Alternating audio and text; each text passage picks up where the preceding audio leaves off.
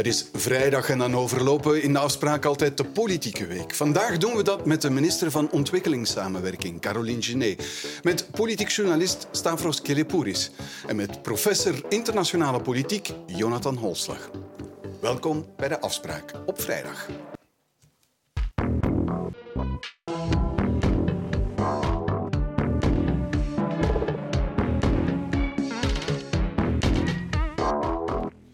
Goedenavond, mevrouw Genet. Uh, we zijn aan de vooravond van, van de 1 mei, het feest van de arbeid. Uh, wat betekent dat nog voor, vooruit? Wel, het is toch een moment waarop je trots bent om socialist te zijn. Uh, ja, zo de acht uur werkdag, de sociale zekerheid, de index zijn toch allemaal verwezenlijkingen van onze beweging. En ik vind dat je daar trots op mag zijn. Tegelijkertijd is het ook altijd wel een beetje vooruitblikken. Dat is nu eenmaal zo met socialisme. Onrecht uh, zal er altijd zijn. En dus is het werk nooit af. En uh, dan zet je op die dag ook wel een aantal ja, eisen, een concrete standpunten uh, in de markt waar je dan weer de komende tijd ten volle voor kan gaan. Oké, want het is niet alleen het verleden vieren, het is ook een actueel. Wat is de boodschap dan actueel? Wel, vandaag is het eigenlijk... We hebben een sterke sociale zekerheid opgebouwd en we hebben daar met vereende krachten aan gewerkt, die acht uur werkdag. Maar nu is het zaak om uh, die welvaartsstaat niet uh, af te breken. Als je vandaag, uh, je zal maar 30 jaar kassière zijn geweest bij de Leize en koudweg de boodschap krijgen, ja, het zal niet meer aan dezelfde loon- en arbeidsvoorwaarden gaan, ja, dat, je dan, dat je dan boos bent, dat snap ik. En voor ons gaat het eigenlijk altijd over hetzelfde, al meer dan 100 jaar.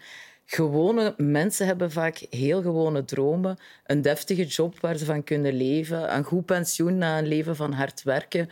Een goede crash voor de kleine. Een leerkracht voor de klas. Eh, een betaalbare woonst. En eigenlijk is dat de essentie ja. van socialisme. En is dat nog de boodschap van Vooruit? Of zijn, is Vooruit nog een socialistische partij?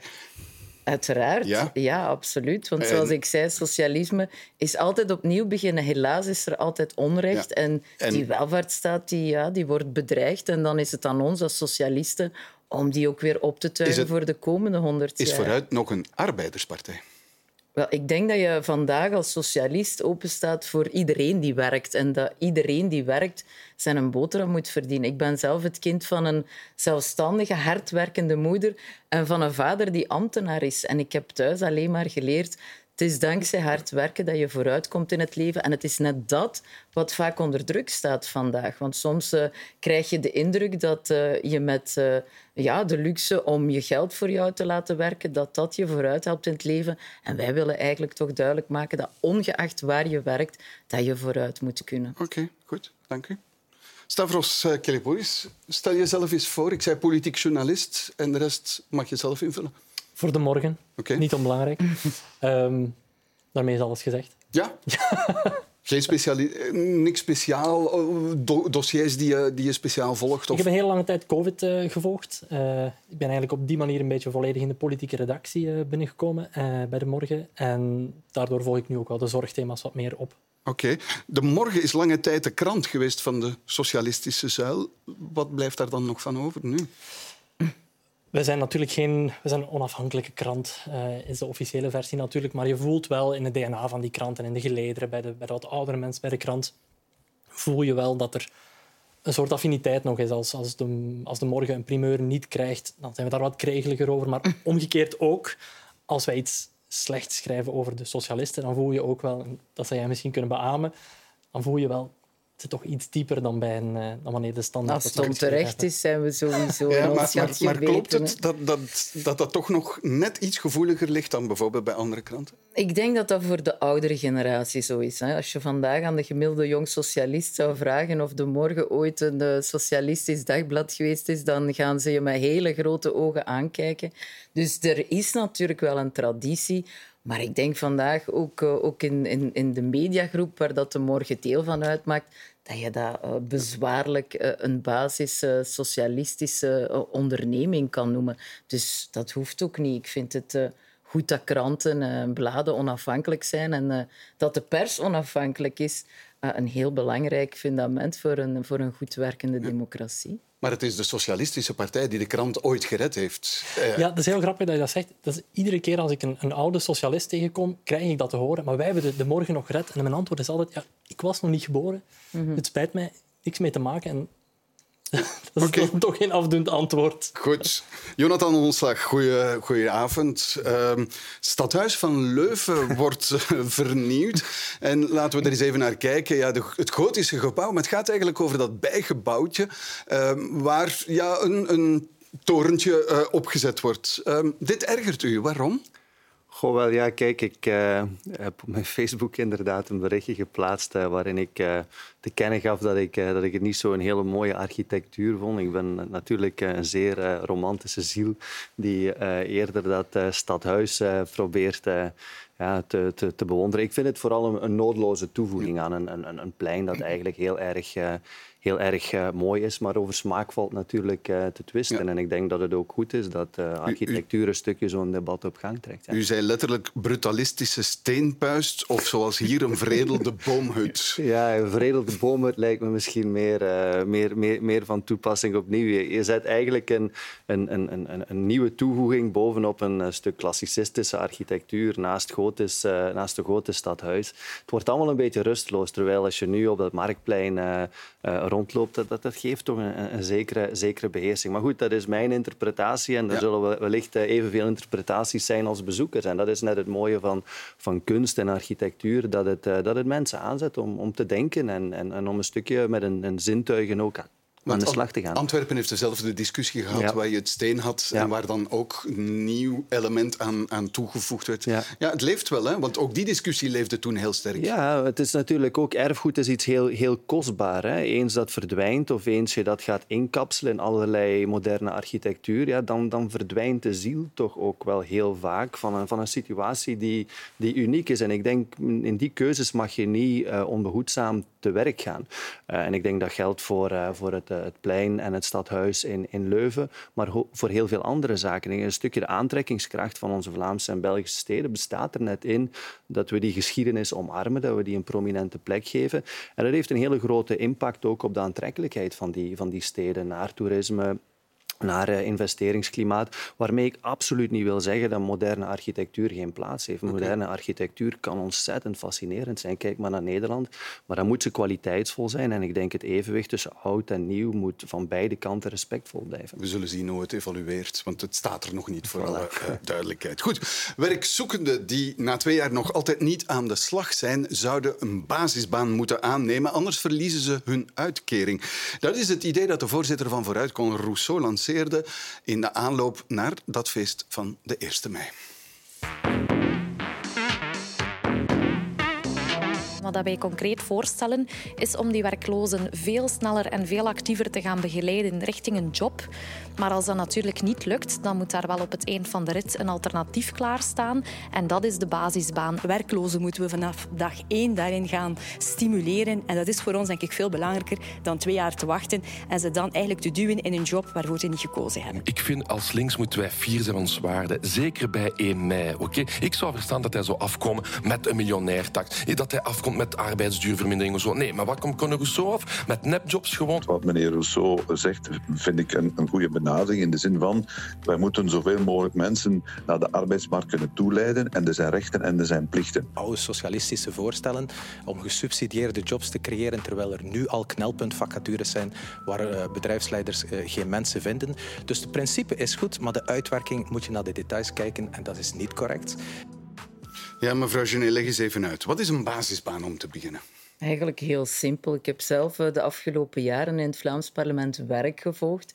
En dan zie je dat we 60.000 mensen in Vlaanderen die langer dan twee jaar werkloos zijn, gewoon aan hun lot overlaten. Die worden van tender naar opleiding enzovoort gestuurd, maar er komt nooit een concreet jobaanbod. En wij zeggen eigenlijk, iedereen die kan werken, die moet werken. Het is een verhaal van rechten en plichten, inderdaad. Anders kan je sociale zekerheid niet overeind houden.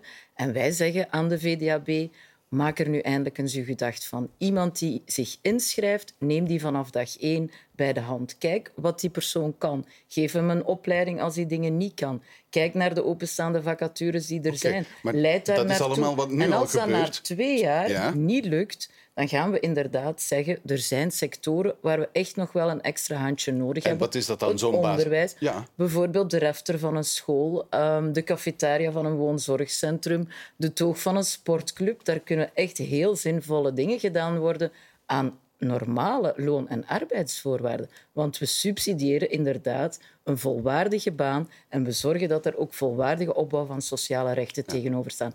En als er doorstroom mogelijk is, als er toch op een bepaald moment een knelpuntberoep uh, is waar die persoon van zegt kijk, ik heb nu wat extra ervaring opgedaan, ik ga naar die reguliere arbeidsmarkt, graag. Het is een heel socialistisch voorstel. Heel socialistisch, maar aan de linkerzijde niet goed onthaald. Hè. Vakbonden niet, PS niet. Zeker de PS niet. PvdA niet.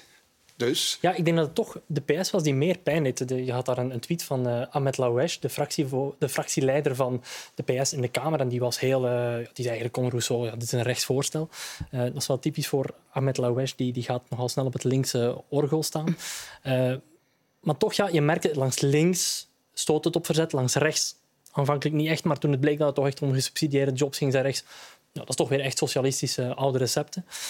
Ja, het is eigenlijk nergens goed ontvangen is een beetje dubbel. Enerzijds kan je zeggen, ja, als zo'n voorstel meteen overal uit de lucht geschoten wordt, misschien moeten we het eerst eens proberen. Het probleem is, we hebben dat wel ooit geprobeerd, die hmm. gesubsidieerde banen. En de conclusie was, die mensen blijven zitten in die statuten. Het is geen opstapje naar een ander soort baan.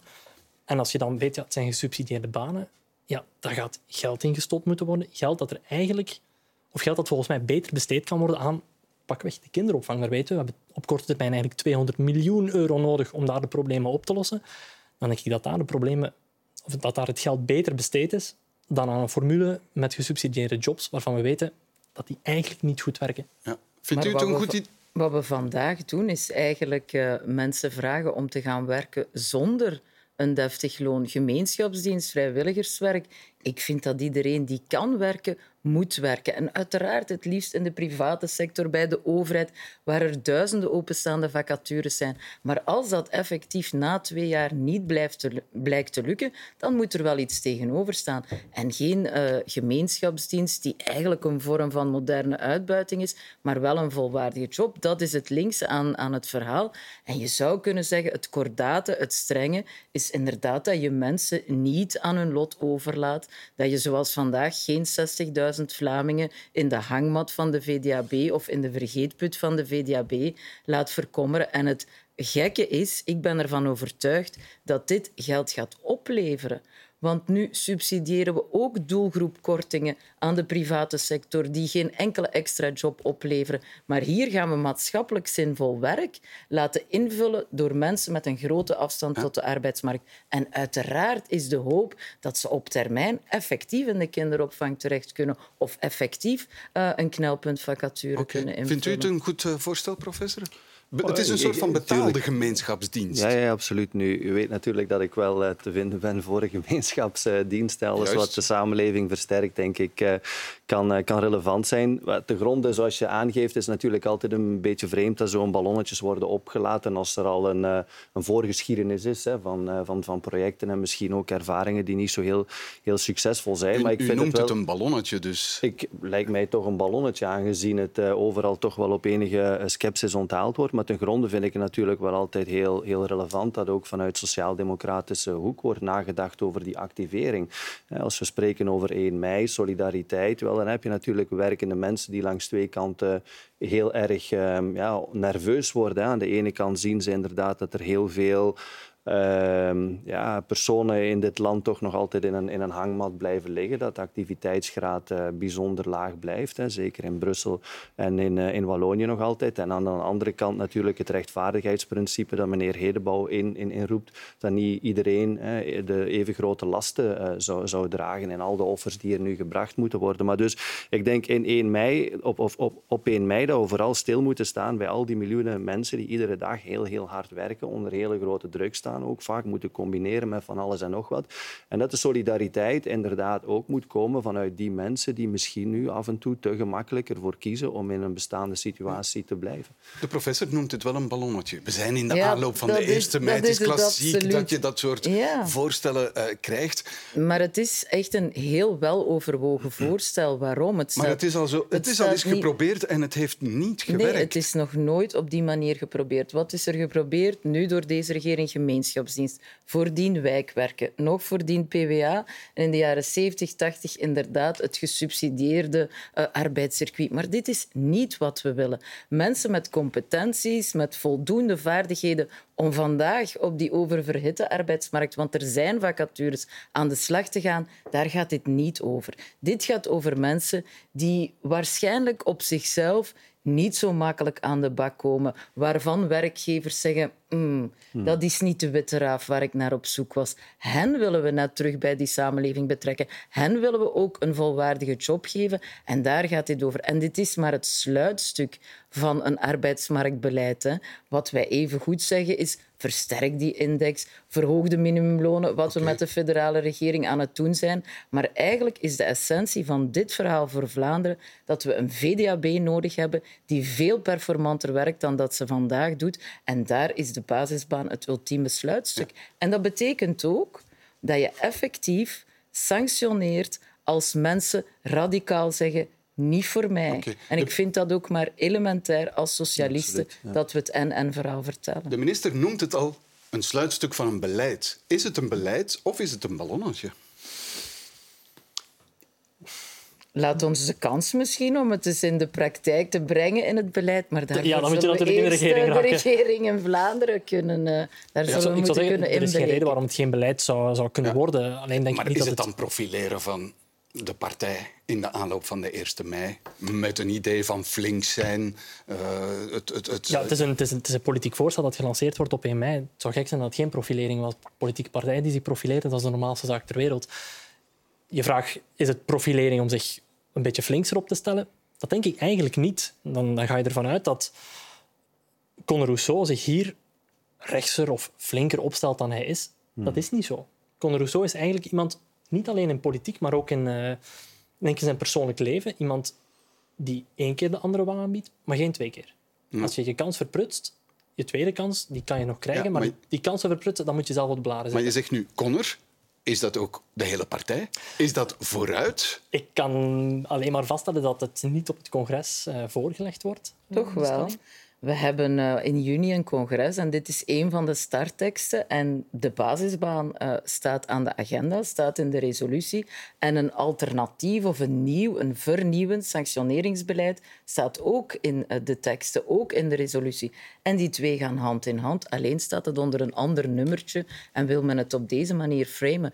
Maar die tekst over werk die gaat echt over een visie die fundamenteel is voor het versterken van de welvaartsstaat. Namelijk, wij laten niemand achter en iedereen die kan werken, die gaan we de kans geven om te werken. Maar we gaan die niet vragen om dat gratis te en doen. Wie gaat die basisbanen dan begeleiden? Is dat de VDAB die daarvoor verantwoordelijk wordt in de praktijk? Wel, in de praktijk, in de, in de uitbouw, is het eigenlijk lokaler voorzien. Dat je toch een aantal partners hmm. lokaal krijgt, gemeentebesturen, verenigingen, organisaties, die zich organiseren en die zeggen, ja, we hebben eigenlijk nog wel een aantal maatschappelijke taken die vandaag niet ingevuld worden of waar wij als VZW ook de middelen niet voor hebben, maar die wel zinvol zouden kunnen zijn om onze sportclub bijvoorbeeld beter te laten werken met jongeren, om inderdaad ook huiswerkbegeleiding te kunnen doen. Laten we dat coördineren. En eigenlijk is daar lokaal is de arbeidscreatie, zal ik zeggen, en uh, de organisatie en de, en de opvolging van de mensen die na twee jaar vanuit... in het systeem komen, dat is ja. uiteraard de VDAB. Ik, ik, wil nog even terug naar die, die partij, want ik zei Conner en, en partij. Ja, Conner dit... is de partij geworden. Ik denk dat dat het antwoord op jouw vraag is. Ik denk dat Conner op een, op een moment zit in zijn carrière waar hij die partij zodanig uit het slop heeft opgetrokken dat wat hij ook zegt, dat er eigenlijk weinig verzet nog komt uit die partij. Merkt dat bij iedereen waar je, waar je mee praat. Conner heeft die partij, mevrouw Genet zegt het volgens mij ook eh, morgen bij ons in de krant, echt de elektroshock gegeven die hij beloofd had. Dan is het natuurlijk makkelijker om voorstellen die misschien iets lastiger zouden liggen in de partij, om te zeggen, oké, we gaan dit nu gewoon doen. En dan merk je dat er tegenover de, de laatste 10, 15 jaar bij de socialisten veel minder gemorrel naar buiten komt. Oké. Goed. Laten we eens naar een uh, volgend uh, thema gaan. Ecolo-staatssecretaris voor Gelijke Kansen, Sarah Schlitz, heeft dan uiteindelijk ontslag genomen. Haar positie was onhoudbaar geworden, ook al omdat de steun in de meerderheid stilaan verdwenen was. En het oppositiewerk van N-VA-parlementslid Sander Lones blijkt dus wel lonend te zijn geweest. De strijd moet doorgaan. En daarom zet ik vandaag een stap opzij. Ik ben niet onvervangbaar. Er is zoveel vrouwelijk talent binnen Ecolo. Met publieke middelen moet je voorzichtig omspringen en er zijn regels over. En daar heeft ze zeer duidelijk aangegeven dat er, een fout, uh, dat er een, fout, uh, een fout gebeurd was. Het feit dat mevrouw Slitse ontslag heeft genomen bewijst dat er iets fout is gegaan. Eén, ze heeft de wet overtreden. Ze is daarvoor ook veroordeeld geweest door de ganse commissie. een berisping heeft zij gekregen omdat ze op een onwettige manier belastingsgeld gebruikt heeft om campagne te voeren voor zichzelf. Dat mag niet. Ze heeft een fout gemaakt. Ze koppelt daar ook een gevolg aan.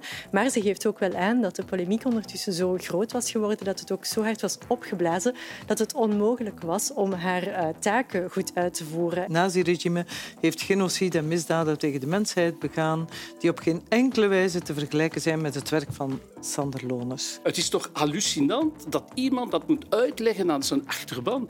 Dat, geeft, dat, dat, dat, dat is een bewijs van een complete uh, gebrek ja, aan historische cultuur.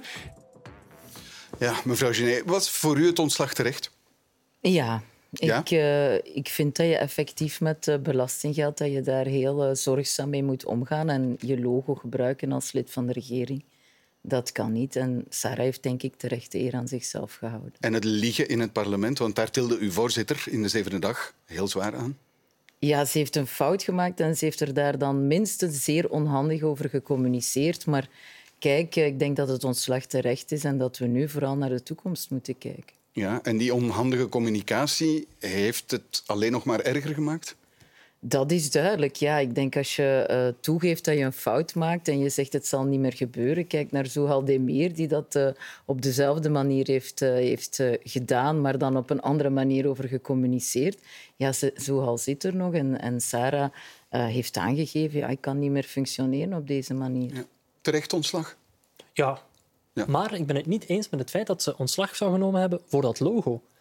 Want herinner je, toen, dat, toen ze voor de controlecommissie voor de verkiezingsuitgaven verschenen was, had een blaam gekregen. Dat stond eigenlijk in de Vlaamse pers bijna nergens. Het is eigenlijk ontslagen door alles wat daarna nog is gevolgd. Die hele heisa die ontstaan is. En waar ze eigenlijk niet kon gewoon zeggen sorry, dit is gebeurd, mea culpa, we gaan voort. Ze is daar niet in geslaagd. Ze is wild om zich heen beginnen slaan. Mensen op haar kabinet hebben domme dingen gedaan. En dat heeft er uiteindelijk toe geleid dat er mensen zeiden ja, maar zo kan je wel niet blijven werken. Als je als minister een fout maakt, goed, dat kan gebeuren, geef dat toe en we gaan verder. Maar je kan niet zo wild beginnen reageren als minister. Zo werkt het niet. En ik denk dat dat eerder de reden is die, die tot haar ontslag geleid heeft. Ja, hoe kijkt u ernaar? Want um, meneer Kelepouris verwijst natuurlijk naar die vergelijking met het nazisme. Je hoorde het daarnet. Ik ga nog eens de tekst die ze zelf spontaan op, op sociale media zetten. Het naziregime heeft genocide en misdaad tegen de mensheid begaan die op geen enkele wijze te vergelijken zijn met het parlementaire werk van de heer Lonis.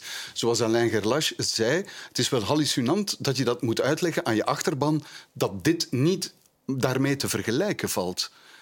Ja, absoluut. En ik uh, vond uh, de diagnose gebrek aan historische cultuur ook uh, heel, erg, heel erg toepasbaar. Ik vrees niet alleen op de politiek en het politieke debat, dat ook veel breder in, in de samenleving er een afstand aan het groeien is tussen deze generatie en een aantal cruciale historische momenten. En ik vind dat heel erg, heel erg gevaarlijk en, en heel erg Gebrek aan cultuur of bewust ja, natuurlijk worden die dingen in het heetst van de strijd uitgespeeld. Hè. En, en, en, politieke campagnes zijn wat ze zijn. Maar het feit dat, dat, dat de samenleving daar zo vatbaar voor is, voor dat soort memes en, en, en standpuntnames, Dat vind ik fundamenteel een veel groter probleem. En dat geeft mij vooral aan dat er nog enorm veel werk is in ons uh, geschiedenisonderwijs. Uh, en dat ja, de hele politiek daar een stukje verantwoordelijkheid uh, ook mee, mee voor draagt. En dan niet alleen met belangrijke projecten als bijvoorbeeld een docent-kazerne in Mechelen, die overigens goed, goed, goed werk doet, maar veel, veel, veel breder. Ik denk, je moet de bevolking informeren ja. over wat de geschiedenis was en wat de gevolgen daarvan zijn voor hoe we als samenleving opereren en, en, en werken vandaag meneer Kilepouris zegt van ja, ontslag niet voor de fout. Het is eigenlijk ontslag voor alles wat er nadien is gekomen. Want u zegt alleen voor de fout. U verwijst. Nee, ik zeg voor, voor de manier waarop het is aangepakt. En die is begonnen met een fout. Um, maar ik denk vooral dat je terecht kan vaststellen dat ze de eer aan zichzelf heeft gehouden. Het heeft uh, wat lang geduurd. Het was misschien niet het mooiste politieke schouwspel. Maar effectief, ik vind als lid van de regering. En je moet daar een beetje aan wennen. Hè. Uh, heb je een zekere terughoudendheid nodig? En ik vind het vooral en die had belangrijk. Ze niet dat is dat activisme nee, waar vind, vaak naar verwezen wordt. Ik vind het vooral belangrijk dat we, dat we niet in extreme vervallen. Want dat is zo makkelijk in deze tijden. Als je heel luid roept en uh, liefst zo vuilgebekt mogelijk en een ander beledigend, dan word je vaak uh, het snelst gehoord. Maar wat heb je dan opgelost, is de vraag. Natuurlijk is er nog altijd seksisme. Natuurlijk hebben vrouwen, als je dat maatschappelijk bekijkt, niet alleen hier, maar ook in de rest van de wereld, het nog altijd moeilijker dan een mannelijke uh, counterpart. Maar dat mag nooit een excuus zijn om uh, fouten te verdoezelen of onder de mat te vegen. Wel, in tegendeel, kijk problemen recht in de ogen, benoem ze en doe er dan iets en aan. En heeft zij dat volgens u gedaan, namelijk geprobeerd onder noemer van het seksisme de fout te verdoezelen? Wel, ze voelde zich in elk geval op dat vlak ontzettend aangevallen. Terwijl in deze kan ik nu zelf als vrouwelijke politica, die ook al met uh, seksisme geconfronteerd is, zoals iedereen, maar in deze kan ik met de hand op het hart zeggen dat dit niet heeft meegespeeld. Want anders zou Jean-Marc Nollet een seksist zijn. En ik ken die man, dat is niet het geval. Ja, Groen, Groen zegt vrouwelijke politici moeten sneller opstappen in deze regering. Heel, ik, ik, ik, heb met verbazing gekeken naar alle tweets en verklaringen van Groen-politici, naar, naar uh, de, de, voorzitter van uh, Groen, uh, die we daarnet zagen. Er wordt nu gedaan alsof Sarah Schlitz een fout heeft gemaakt en heeft gezegd ik ga mezelf op het, op het zwaard gooien ter ere van de ethiek in de politiek. Ja, dat is niet gebeurd. Ze heeft een fout gemaakt. Ze heeft daarvoor een blaam gekregen. Ze heeft daarna erover gelogen. Hmm. Achteraf is dan gebleken dat ze er eigenlijk al maanden geleden, vorige zomer al, door de partij op gewezen was. Ze heeft er niks aan gedaan. Dan zijn mensen van haar kabinet afgekomen met nazi-vergelijkingen. Dan heeft ze zich daarvoor proberen excuseren, maar dat was dan toch te moeilijk om te zeggen ja, sorry, maar die vergelijking was ongepast. Ja, en dan komen zeggen, kijk eens naar mij, ik, uh, ik, ik sta hier voor de ethiek en de politiek. Ik ben geofferd op het, op, het, op het blok van seksisme. Sorry, maar dat is toch echt te makkelijk. En dan al die uitlatingen van groen-politici. Ik begrijp het. Ze vormen in het parlement een fractie met ecologen. Ze moeten daar wel een beetje ja, het beeld ophouden van de eervolle, het eervolle ontslag. Maar dat, dat is gewoon onzin. Ja. En toch zegt mevrouw Genet, er blijft wel seksisme. En het blijft voor vrouwen moeilijker uh, in, in bijvoorbeeld uh, politiek. Ik kan me daar niet over uitspreken, omdat ik niet zo uh, uh, dicht bij, uh, bij de politiek sta. Ik kan me er wel iets bij voorstellen dat het voor, voor vrouwen toekoer lastiger is. Zeker als ik kijk in mijn eigen gezinssituatie. Van zodra er kinderen zijn, dan heeft dat al onmiddellijk, onmiddellijk gevolgen. maar voor de rest voel ik me hier niet in staat om uitspraak te doen of vooral dan niet en waar um, meer gediscrimineerd wordt. Ik, ik kan me best voorstellen dat het voor vrouwen in deze wereld, ook in onze rijke westerse samenleving, nog altijd harder knokken is, uh, is, sowieso. Ik denk dat dat buiten Wat ons staat. niet hoeft tegen te houden, overigens, om hard te knokken. Hè. Mm. Als je in heel de wereld 193 landen hebt en je hebt 12 vrouwelijke leiders, ja, dan kan je toch alleen maar objectief vaststellen dat we zwaar ondervertegenwoordigd zijn. Mm. Maar als je naar deze regering kijkt, de federale regering, ja, dan heb je een vrouwelijke vicepremier, dan heb je vrouwen op defensie, op buitenlandse zaken, traditioneel harde departementen, of zo worden ze gepercipieerd. Dus laten we het probleem vooral niet zoeken waar het zich niet manifesteert. Waar het zich wel manifesteert, is bijvoorbeeld op de arbeidsmarkt, waar vrouwen voor exact hetzelfde werk nog altijd minder verdienen dan mannen. Mm. Ja, dat is een discriminatie die... Uh, ja, die gewoon uit de wereld moet. Gaat dit een rol spelen in uh, moet ik zeggen, zijn binnenkort verkiezingen. Politiek blijft ijveren om mensen naar politiek te krijgen, goede, slagvaardige uh, mensen. Speelt dit soort affaires daar een rol in om ja, weg te duwen van de politiek, minder kandidaten naar de politiek te lokken, denkt u? ik denk zeker in een progressieve partij als Groen dat dit echt wel gaat wegen. Die partij was, mijn zin sowieso al wat aan het, uh, aan het, aan het spartelen. Uh, en dat dit de geloofwaardigheid van, van, van die partij niet meteen te goede komt. Dus al die jonge progressieve mensen gaan, gaan dan denk ik toch wel, wel twee keer nadenken alvorens ze zich in dat avontuur ja. stort. Dus ik, ik denk wel dat dat voor een stuk blijft hangen, maar dat die partij wel al wat in een defensief zat. Ja. Gaat het spelen bij Groen? Groenen, dit dossier? En dat er andere dossiers meer zullen spelen. Voilà. De kernuitstap zal een groter probleem zijn dan het ontslag van Sarah Schlitz. Bovendien, ik denk wel dat een groot deel van de achterban van Sarah Schlitz, wat wij hier ook zeggen, of echt gelooft mm. dat het seksisme was. Ja. Dat, dat, deel van de achterban gelooft overigens ook dat uh, NVA en het nazisme, dat de stap daartussen niet zo heel groot is. Vergeet ook niet, de, dat was ook heel frappant, de verdediging van mevrouw Schlitz op een bepaald moment was, want er op, onder dat bericht van het nazisme werd er op een bepaald moment uh, gezegd merci pour le soutien, met het account van Sarah Schlitz. En haar verdediging daarvoor was, ja, maar dat was iemand van mijn kabinet die dat daaronder gezet had, niet ik. Oké, okay, dat kan. Dat wil dus zeggen dat er al twee mensen op dat kabinet zijn die daar geen graten in zien, mm. in die vergelijking. Dus ik denk, in die groep mensen, in haar achterban, ja, wordt dat seksisme-argument, ja, die zien dat effectief zo. Dus ik denk niet dat daar dit echt zal spelen. Ik denk voor de kiezers van Sarah Schlitz dat, zij, dat dit een zeer eervol ontslag was en dat zij vooral zullen geloven, ja, dit, dit was oneerlijk. En voor Groen? Dat is een moeilijker vraag. Ik denk dat Groen... Uh, dat dit het minste van de zorgen van Groen is. Groen heeft zeer veel zorgen. Kijk naar de peilingen. Ecolo trouwens ook. In Brussel zijn de peilingen ook niet hmm. goed voor Ecolo. Sarah Schlitz zal, dat, zal daar niet veel aan geholpen hebben, maar zal het nu ook niet veel dieper geduwd hebben. Oké, okay, goed. Laten we dan eens naar het buitenland uh, gaan. Want uh, in Sudan daar hebben het leger en die paramilitaire groep Rapid Support Forces een uh, staakt het vuren verlengd. Toch blijft de, de situatie daar liever heel erg instabiel. En dat terwijl conflicten zoals dat in Soedan, de migratiestroom op die Middellandse Zee, alleen maar blijven aanwakkeren. Onze ploeg kon heel uitzonderlijk een reddingsoperatie meemaken op een schip van uh, Artsen zonder Grenzen. We have a medium wooden boat, around 80 person on board. Orca, Orca Bridge and the around 80 people on board. Heel wat mensen vluchten dus weg uit Afrika en daar voltrekt zich ondertussen nog een nieuwe humanitaire ramp. In Sudan zitten miljoenen mensen vast in de gevechten tussen twee generaals. Die hebben samen een coup gepleegd tegen een democratische regering. En nu was het de bedoeling dat er in juni uiteindelijk opnieuw een democratische civiele regering zou geïnstalleerd worden. Maar waar ik mij ook zeer grote zorgen over maak, is effectief dat instrumentaliseren van migratiedruk naar Europa door regimes zoals het Russische. Maar Kunnen we misschien deze crisis in Sudan misschien gebruiken om eindelijk deftige barrières in de Middellandse Zee op te werpen? Ja, mevrouw Genet, het conflict in uh, Soedan Um, u schreef op Twitter, we moeten hulp blijven bieden, maar hoe doe je dat? Um, hoe, hoe, kijkt u daar tegenaan? Ja, dat is ongelooflijk tragisch. Hè? Dit, is, uh, dit is het gevolg van instabiliteit die al jaren speelt. En waar je ziet dat uh, twee rivaliserende generaals uh, met geweld eigenlijk om de macht gaan zonder ook maar iets in te zitten met de bevolking. Want dit is zelfs geen burgeroorlog.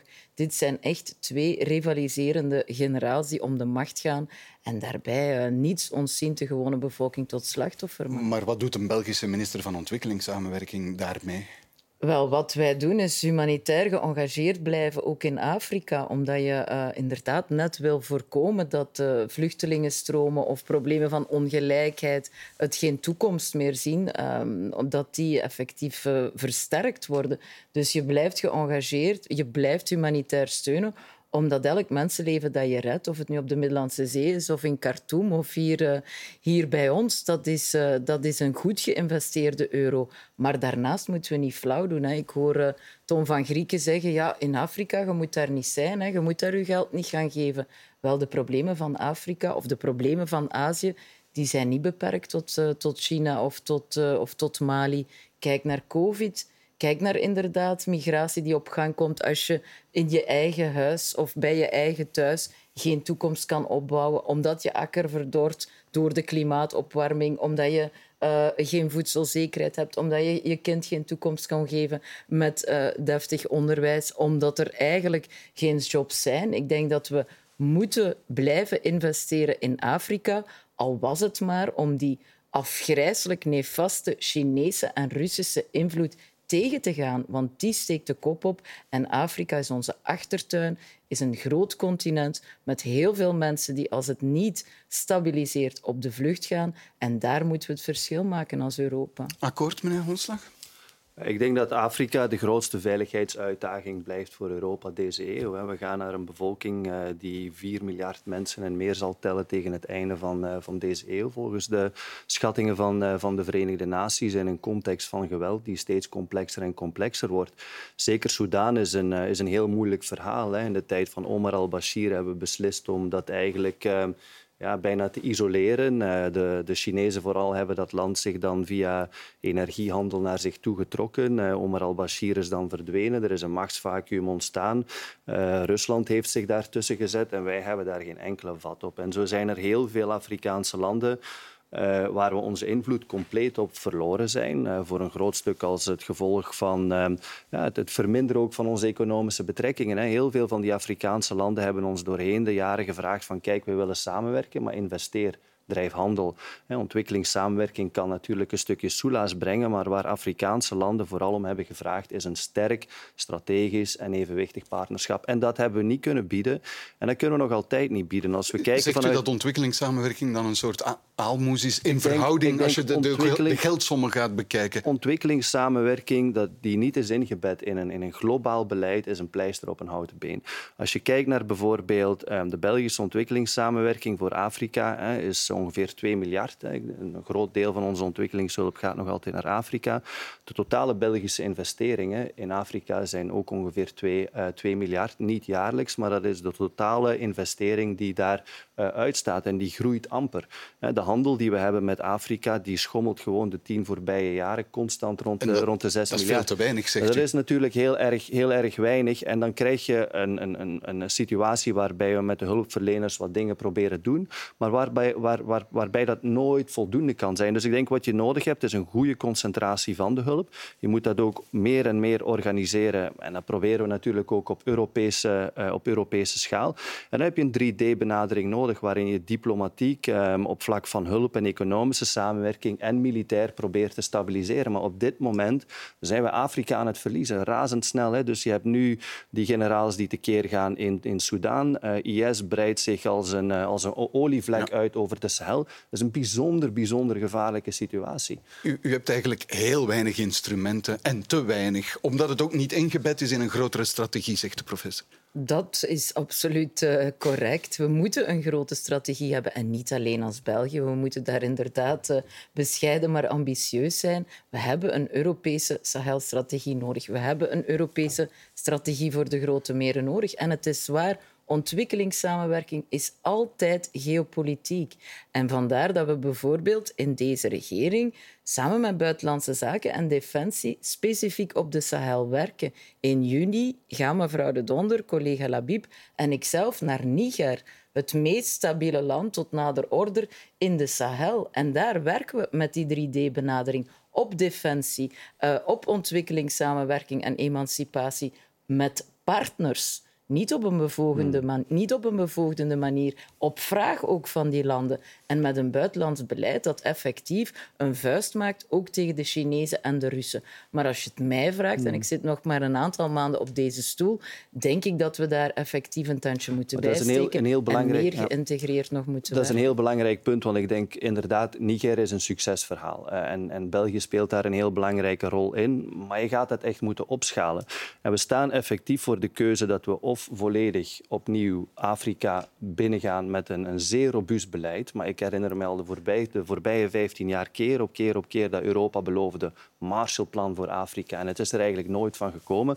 Ofwel inderdaad moet je zeggen van kijk, het is een realiteit dat onze invloed daar taant, dat we daar eigenlijk geen vat meer op hebben en dat je gaat proberen stabiliseren op de, op de Middellandse Zee. Maar het zal het een of het andere zijn. Ik ben de voorbije weken in Noord-Afrika geweest, um, de eerste keer sinds, sinds COVID. En wat ik daar heb gezien, dat, dat, dat ja, uh, overtrof mijn, mijn, mijn, mijn ergste verbeelding. Maar je zag de, de, de, de vluchtelingen letterlijk op slippers met plastieke zakjes, met alle bezittingen daar, daar, daarin, de, de, de woestijn uitsloffen, de um, Tunesische grens uh, over, daar opgepakt worden door uh, de gendarmerie, terug de woestijn worden ingeduwd. Dus dat, dat, dat wordt onhoudbaar. En het wordt vooral onhoudbaar voor die Noord-Afrikaanse staten waar we nu nog op rekenen om een stukje de vluchtelingen um, ah, ja. bij te houden. Want dat is een van de ideeën. Tunesië, een van die landen die je net opzond, gebruiken om daar... Tunesië staat op springen. Um, Libië natuurlijk zijn we kwijt. En je merkt dat in alle andere landen economisch het, het de verkeerde kant ja. uitgaat. Wa waarom, um, waarom, neemt u mevrouw de Moor niet mee, de staatssecretaris voor asiel en migratie? Ik bedoel, u somt op hè, mevrouw de Donder, mevrouw uh, Labib voor Buitenlandse Zaken. Maar asiel en migratie ontbreekt dan wel in die hele aanpak. Ja, de 3D-aanpak is een aanpak ter plaatse. En ik denk dat je asielzoekers, vluchtelingen, mensen die weglopen, dat je die niet mag instrumentaliseren. Waar ik het eens ben met de professor, is effectief dat je moet een, een geïntegreerd beleid hebben en het aanpakken van de grondoorzaken van migratie dat heeft natuurlijk ook een impact ja, op je wat, ontwikkelingssamenwerking. Asielzoekers niet instrumentaliseren. Zou u dat doen? Mocht mevrouw De Moor meegaan? Naar...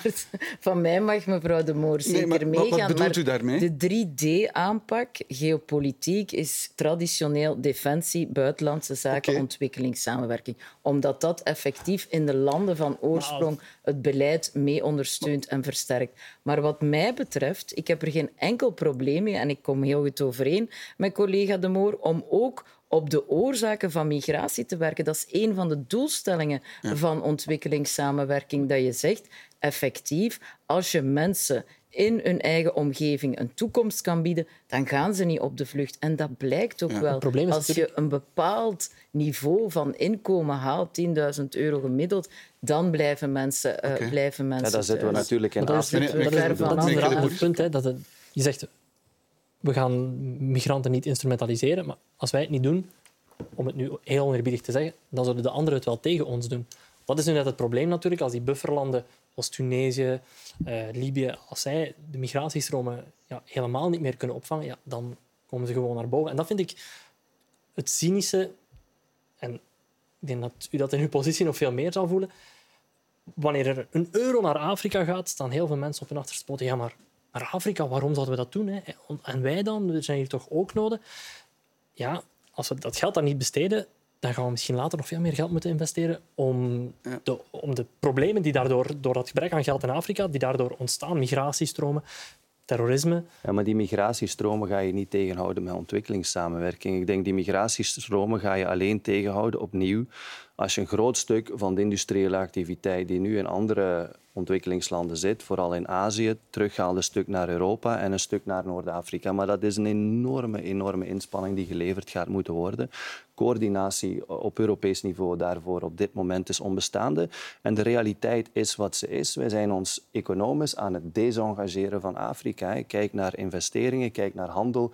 Het gaat de verkeerde kant uit. Als je kijkt naar de, de, de, de, de groei in Afrika economisch per hoofd de voorbije jaren is die afgenomen. Hè? Dus de Afrikanen gaan er opnieuw op achteruit. Um, 7% van die Afrikaanse bevolking is, is op dit moment formeel, uh, formeel aan het werk. Afrika is nu 1,4% van de wereldwijde maakindustrie. Dus de, Eigenlijk komen we 30 jaar te laat. En dan moeten we ons realiseren. We hebben 30 jaar naar onze navel staan kijken. Dat, dat continent is opnieuw compleet de verkeerde uh, richting aan het, uh, aan het opglijden.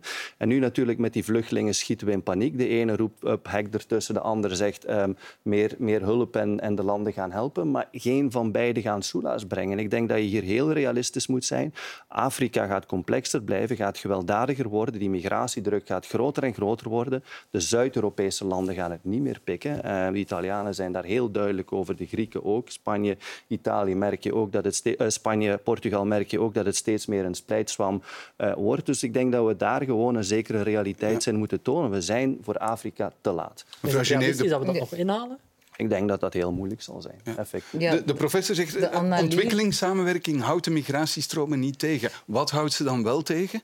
Wel, ik denk effectief ontwikkeling in eigen land. En die is natuurlijk meerlagig. Dat gaat inderdaad niet van ons komen. Dat moet finaal in een stabiele omgeving moet die welvaartsstaat opgebouwd worden, ook in uh, het globale ja, maar zuiden. U, u hoort de en voorspelling zal... van, van de professor. De analyse... Gewelddadiger. Um, daar, met... ziet het, daar ziet het naar uit. En vandaar dat wij effectief, vind ik, vanuit Europa effectief moeten zeggen kijk, we blijven geëngageerd we proberen daar aan te knopen in die regio's, in die staten waar er, waar er stabiliteit of stabiliserende factoren zijn. En wat het allerbelangrijkste is, onderwijs, onderwijs, onderwijs. Waar vrouwen of meisjes opgeleid zijn, ja. daar zie je dat de, de bevolkingsdruk afneemt. Daar zie je dat de economische ontwikkeling vooruit gaat. Maar we gaan ook geopolitiek moeten onze voet zetten in Afrika. En de analyse van de professor een, een simpele, is, is, is juist. Maar ik denk niet dat we ons kunnen veroorloven om te zeggen we zijn te laat uh, en we keren ons verder nee, maar dan, dan, Integendeel, dan, moeten we, wel, dan moeten we, voilà, dan moeten we consequent zijn. Moeten, moeten, dan moeten we consequent moeten zijn en dan moeten we eerlijk zijn ten opzichte van onszelf. Durven besluit trekken dat de voorbije 15 jaar Afrika-beleid eigenlijk een grote mislukking zijn uh, gebleken. Uh, en dan ook echt wel de garantie hebben voor onszelf dat het deze keer anders wordt. Want je gaat bedrijven moeten overtuigen om naar Ginder te gaan in die onstabiele landen. En te helpen met het uitbouwen van infrastructuur. Uh, en te helpen ook een stukje in het, uh, in het onderwijs banen te creëren. Ook voor de mensen die uit die, uit die scholen komen. Op dit moment zeggen bedrijven van liever niet. Wij gaan naar Azië. Ja. Daar, daar, daar is de groei hoger. Daar is de stabiliteit iets, iets groter. Dus je hebt enorm veel politieke sturing nodig. En laten we eerlijk zijn. De commissie durft, durft op die manier op, um, uh, vandaag niet te coördineren. En België ook niet. Hè. Een beetje ad hoc doen we interessante dingen. Maar al bij al hebben wij niet het gewicht, denk ik, en ook niet de visie om met onze bedrijven daar echt op grotere schaal dingen te gaan doen. Vlaams Belang stelt, en u hebt meneer Van Grieken gehoord, een heel eenvoudige oplossing voor naar aanleiding van dit Soudaan-conflict. Barrières in de Middellandse Zee. Zo simpel is het, zeggen ze. Was het maar zo simpel. Ik bedoel, dat is uh, een klassiek voorbeeld van een extremist uh, die alleen maar roept, de problemen benoemt en dan de ogen sluit voor eender welke oplossing. Ook in Europa denk... is het idee aan het groeien om inderdaad, het is een beeld, een hekken te bouwen. Maar er moet natuurlijk een gecoördineerd uh, Europees migratiebeleid komen. En dat houdt ook uh, grenscontrole in. We moeten daar niet flauw over doen. Maar tegelijkertijd ga je moeten inzetten op die grondoorzaken van migratie. Als je mensen een toekomst geeft dicht bij huis, dan slaan ze niet op de vlucht. En eerst en vooral ja. moet je conflicten proberen te, te maar stabiliseren. We zijn, we zijn, te en we zijn daarnaast... 30, 15 jaar te laat, zegt uh, we zijn, we zijn laat en het gaat niet de goede kant op. Maar dat betekent niet dat we niks meer kunnen doen. Bijvoorbeeld Met de op, Europees, dus. op Europees niveau moeten we coördineren. Er is een strategie, het heet de Global Gateway. We moeten daar veel meer doorpakken. Maar ik hoor het, ik hoor het heel graag zeggen, maar dan hebben we als klein land ook een rol te spelen. Op dit moment vindt de commissie daar gewoon geen steun voor. Nog bij de lidstaten, nog voor bedrijven. En dan kun je wel allemaal heel mooie strategieën op papier zitten uitschrijven. Het is vooral een kwestie van in de praktijk omzetten. En ik ben er ook van overtuigd dat een muur of een, een hek optrekken in de Middellandse Zee niet helpt. Als je aan de ene kant een half miljard mensen hebt zitten tegen het einde van de eeuw, aan de andere kant meer dan vier miljard, dan helpen hekken niet. Maar ik ben er wel van overtuigd dat als deze spanning zich zo blijft opbouwen, dat dat gaat leiden tot geweld. De Italianen zijn geduld volledig aan het, uh, aan het, aan, aan het verliezen. Geweld van Europa tegen... Nee, maar ik of, denk dat, er, dat die pushbacks, dat de pushbacks um, um, driester en driester zullen worden. En dat gewoon ook heel praktisch, als je daar als marineofficier tussen zit, dat dat moeilijker wordt. En je krijgt instructies en vroeg of laat gebeuren daar ongelukken um, met een aantal van die, van, van die bootjes. En dan zit het spel op, op, op de wagen. Slagen. Dus ik wordt heel moeilijk Het is wel om een pessimistisch beeld dat u Ja, schetst. ik, ik denk dat je daar opnieuw vooral, dat is geen kwestie van pessimisme, dat je daar realistisch in moet zijn. Die krachten die zich daar aan het opbouwen zijn, zijn ongezien in de wereldgeschiedenis. Die bevolkingsgroei hebben we nooit of te nimmer gezien in die absolute cijfers.